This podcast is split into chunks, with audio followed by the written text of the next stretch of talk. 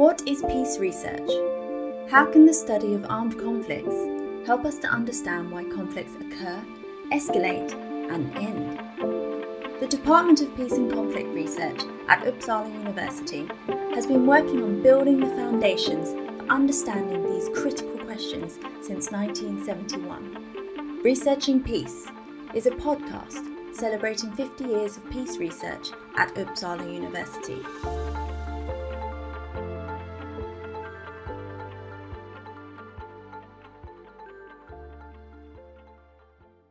Welcome to Researching Peace.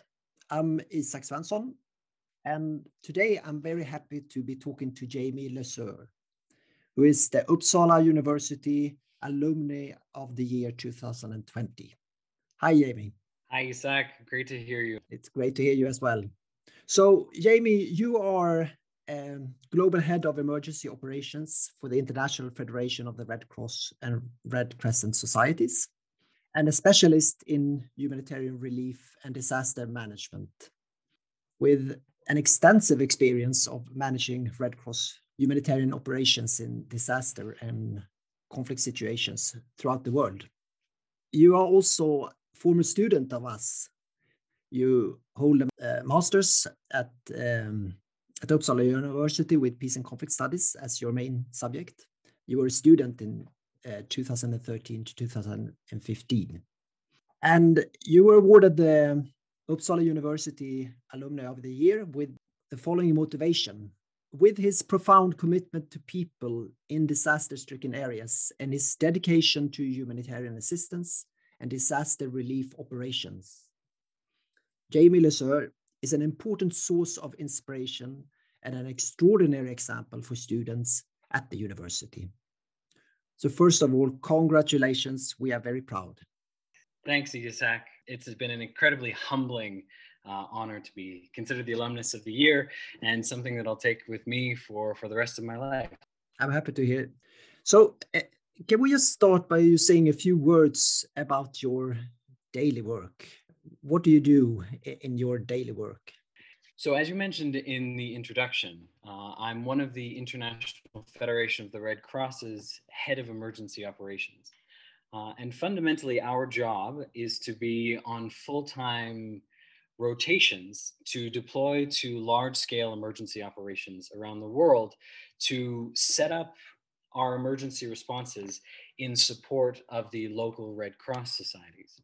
Um, I'm, I'm here now in Addis Ababa in Ethiopia, where I'm supporting the Ethiopian Red Cross with their emergency operation to the IDPs, the internally displaced persons who have fled from the fighting in Tigray uh, into the areas surrounding the Tigray region. Um, and so my job is to support them in getting access to international um, personnel resources, financial resources, uh, and, and surge assets to be able to mount an operation uh, to, to respond to the, the, needs of the affected population. Um, so this is a it's a it's a fantastic and fascinating job. Uh, it does take me around the world, um, but it's also a lot of team management. It's a lot of coordination. Uh, it's a lot of support and making links. So most of my my job, although it's great and, and fun sometimes, like in Mozambique, jumping into a chopper and being one of the first teams on the ground after the, the cyclone in Beira. Um, but often my job is is moving puzzle pieces.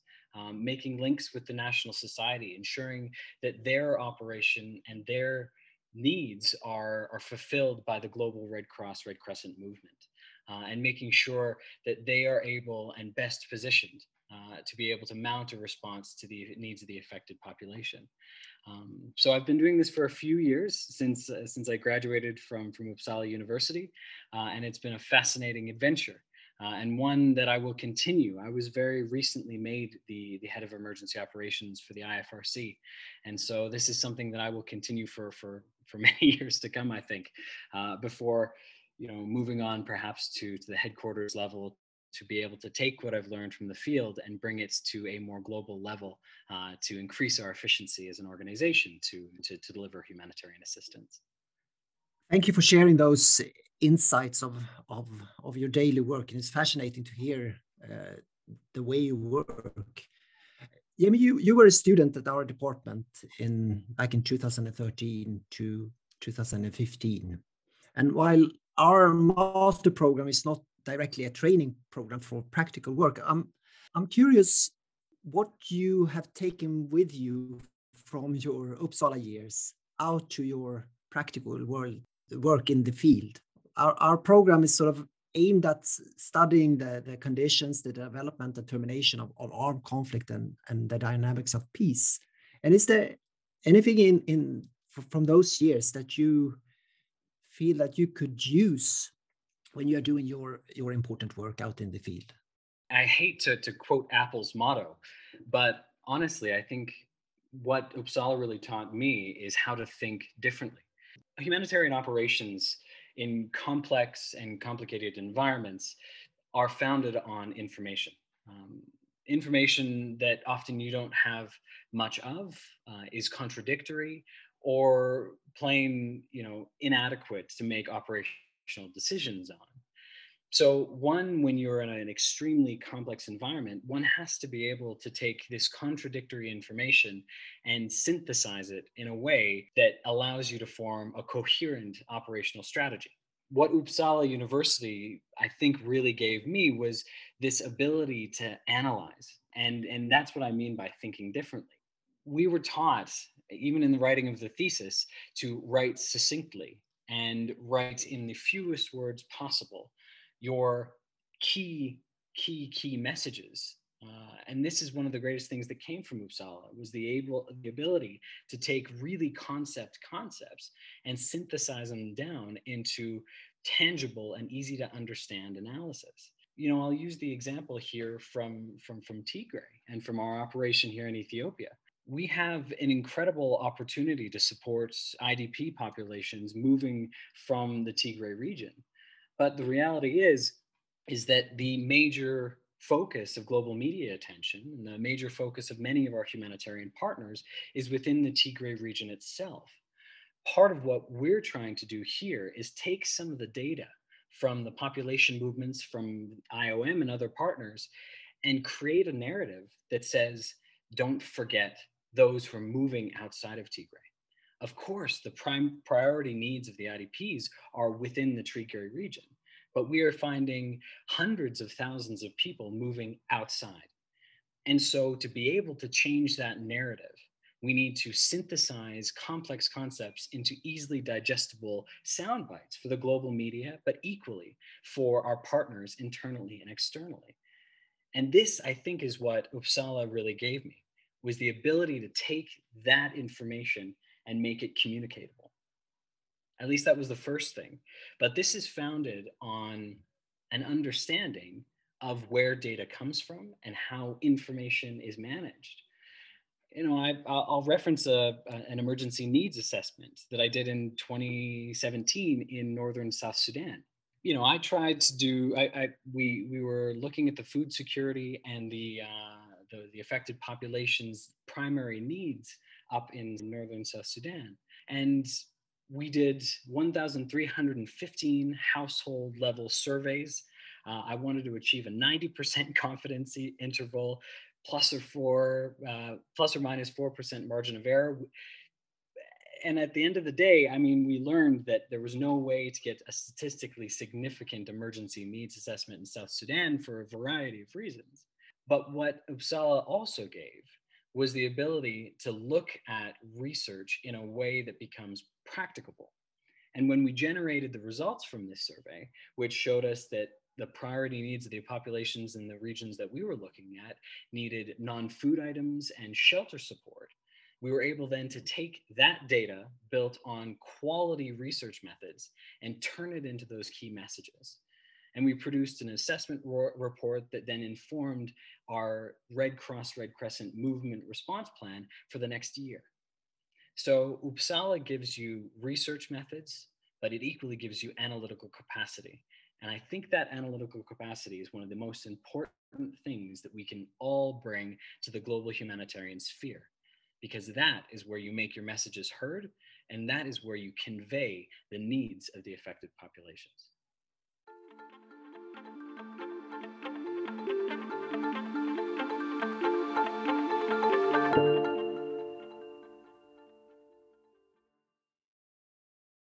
As a teacher, uh, I think I speak to, for my colleagues as well. That I think this is exactly the kind of aspirations that we have. So I'm so happy that that this is what you're saying about the training in thinking analytically and, and to analyze complex concepts and also the the the, the use of data, uh, the critical way of, of handling data uh, and know more about where the sources are from from and how you can use it and also being open for using different types of data quantitative and qualitative. And i think the concept that you said uh, is is so important uh, how to train to think differently. There is a contribution here that the, the program can can give so i'm very happy to to to hear that. If we talk to other so, so students or potential students how would you describe a master in, in, peace and conflict research? What is that really? What does it give a, a student? I think a master's in peace and conflict gives you a taste. You know, there's fantastic book by Anton Myrer called Once an Eagle, uh, and it's it's a treatise in leadership that's used around the world, but it makes this real distinction between the, the command staff of, of the U.S. forces and, uh, and, and, and the general staff. So those that work at the headquarters and those that work at the field. And it's great because the book sort of shows that there's more emphasis on the field and it's more important to be in the bush. Uh, but some of the critiques about the book is that actually both are important um, in that one plays off of the other. Uh, and the fact that you can be in the field and you can learn and you get exposed to things that you'll never find in a textbook. But it's important that you also have access and support from the HQ level to be able to make sure that we're more efficient as a bureaucracy and as organizations to be able to deliver assistance better in the field. Now, bringing this back to, to, to Uppsala and the master's program, I think Uppsala gave me that first command staff HQ perspective on conflict dynamics and the realities in the ground. Um, and it gives you that first window into, into, into the experience. And then you can take that, and when you hit the ground, you can apply it, but equally you can mold it and shift it and make it something new and exciting. You know, I guess one of the the the, the big stories for me I was in Zimbabwe uh, as my first operations manager job. And um, we were in, I believe it was the southeast of the country, uh, doing a food security intervention with the Zimbabwe Red Cross.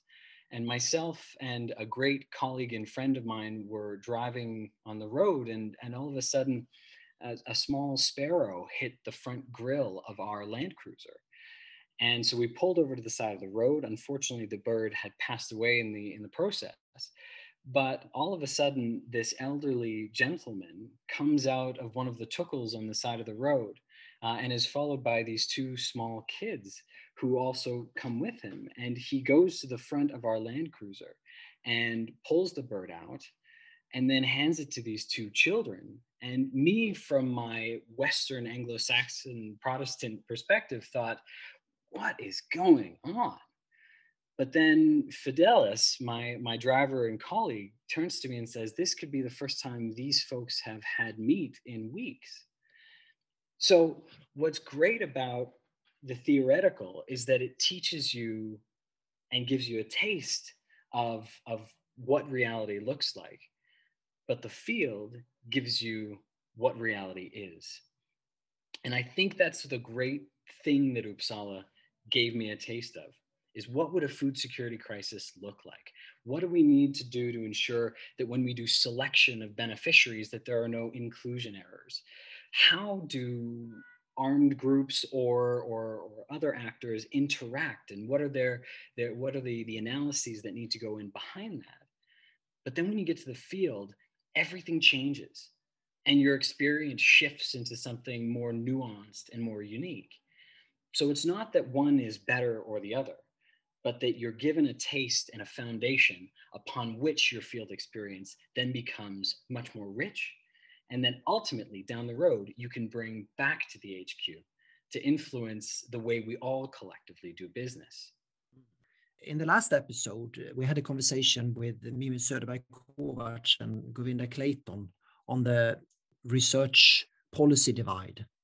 And uh, Mimi and Govinda are two researchers who do a lot of work on sort of engaging in, in dialogue uh, with practitioners. Uh, and you are on the other spectrum, end of the spectrum, so to say. You're a practitioner who, who's evidence-based and, and, and trained uh, in, in, peace and conflict research.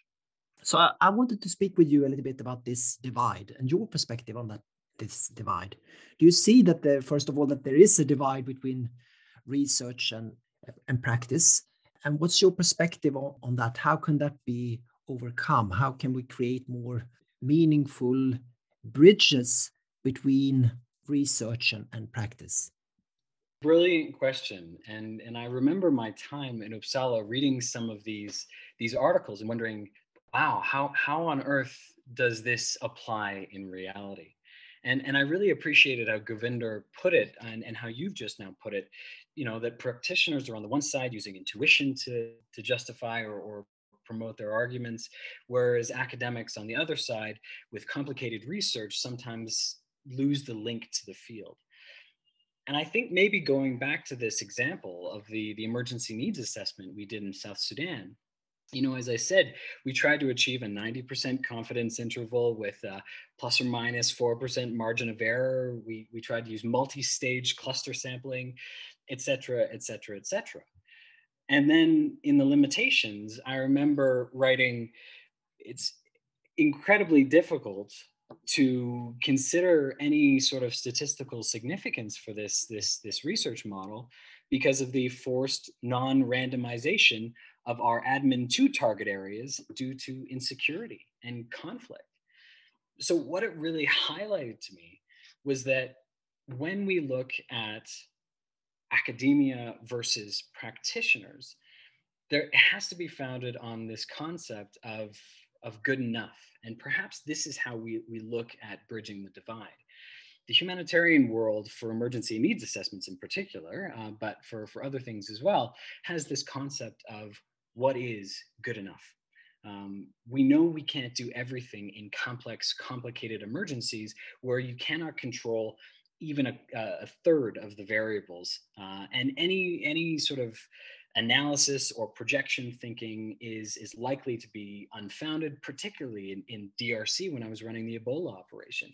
You weren't able to think more than a few steps ahead because things would arise that would completely divert your course of action. But when we look at the policy divide, trying to apply something that is strict, uh, unflexible, and really tries to achieve extreme it loses that connection with the field because it's not founded in the good enough principle. And that would be a way, in my opinion, that we bridge this divide by ensuring that when we look at how applicable research is, it really f- is founded on this concept that we don't have to be perfect, that good enough is often better. And in fact, some of the best humanitarian leaders operate on this principle alone to say that trying to achieve perfection in a complex environment is not only myopic, it's impossible. So, good enough between the practitioners on one side and the academics on the other is that middle ground where we can start to have an honest conversation about what our problems are. But equally, and just to go a little bit deeper on this, you know, for information management, which is a key sector in my work, where people come up with visualizations for operational decision making, my IM colleagues often come back to me and say, What do you want?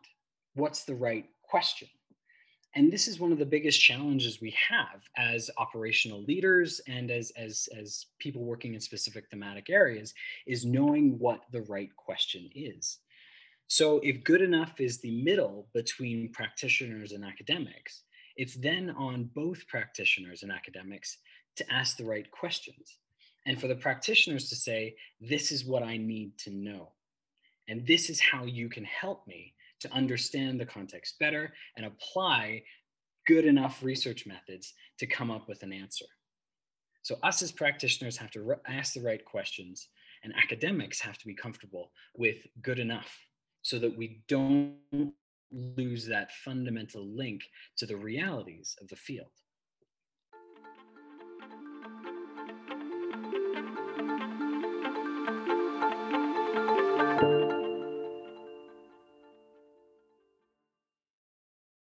I think this concept of good is good enough is, a really fascinating one. How a concept that can be used to sort of understand how to generate knowledge in a context of uncertainty and complexity and, and where you're sort of working with with moving targets and I think uh, I agree with you that it's it's very interesting to to think about it as a way of a basis for a sort of a, middle ground where we can have a meaningful conversation between academia and, and practitioners. So just to continue on, on this this line, and you're you're already alluding to it, but I wanted to know a little bit more on your thoughts on how can we as researcher become more policy relevant or more sort of do work that is also practically meaningful and vice versa. How can how can we get practitioners to try to be more evidence based in their decisions and in their work? Getting a taste of the field is an incredibly important thing and field work is is is part of, of research but often it's seen through a lens of the research question. So lending ourselves collectively to different experiences within the sector that we're researching is likely a different uh, a likely a way to give people a different lens through which to, to view their work bringing researchers into the humanitarian space within an emergency operation is likely a way that people will start to see the practical realities of the impact of their research I mean, we can use ACAPS as a fantastic example. These are extremely solid research scientists who produce data for operational decision making. Reach is another example. But I'm guarantee, Map Action is another one, but I guarantee that these people don't sit in Geneva, that they're in the field consistently working inside emergency operations to see exactly what is needed by the field and then turning that into actionable data. So Map Action, for instance, is, is one of the stand, standing partners for the UN Disaster Assessment and Coordination Team. And whenever there's a, an UNDAC alert and a deployment, often Map Action goes directly with them. And they're the ones that are sitting next to them to be able to produce the actionable information management data to support not just UNDAC, but the entire humanitarian community. So getting that sort of a window into what the field is is incredibly important, I think, for researchers, because it, it means that we're not just framing the research question within the research question.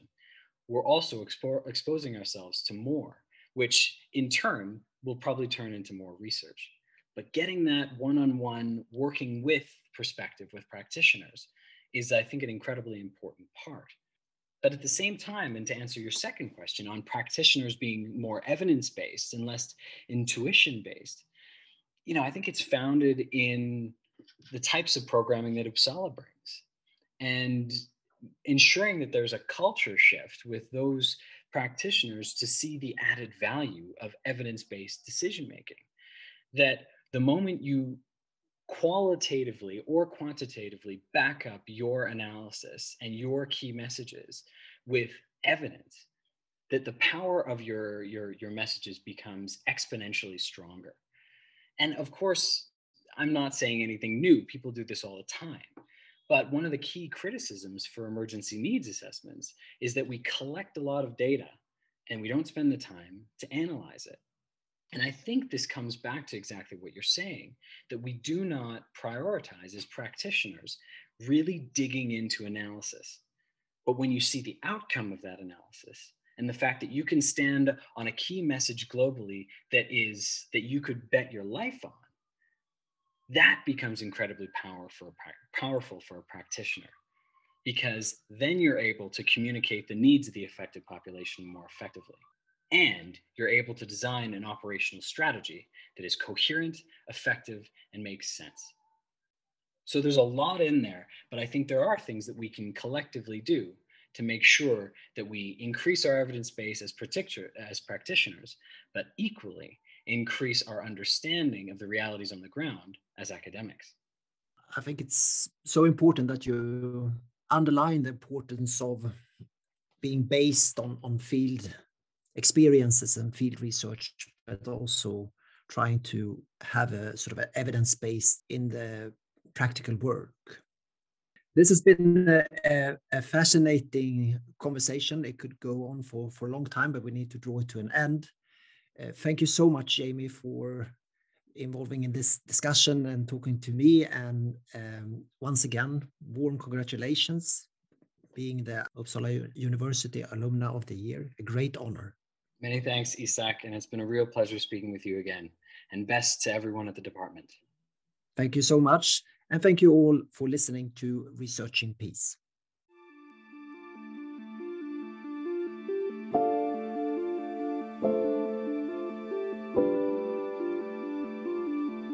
What is peace research? How can the study of armed conflicts help us to understand why conflicts occur, escalate, and end? The Department of Peace and Conflict Research at Uppsala University has been working on building the foundations for understanding these critical questions since 1971. Researching Peace is a podcast celebrating 50 years of peace research at Uppsala University.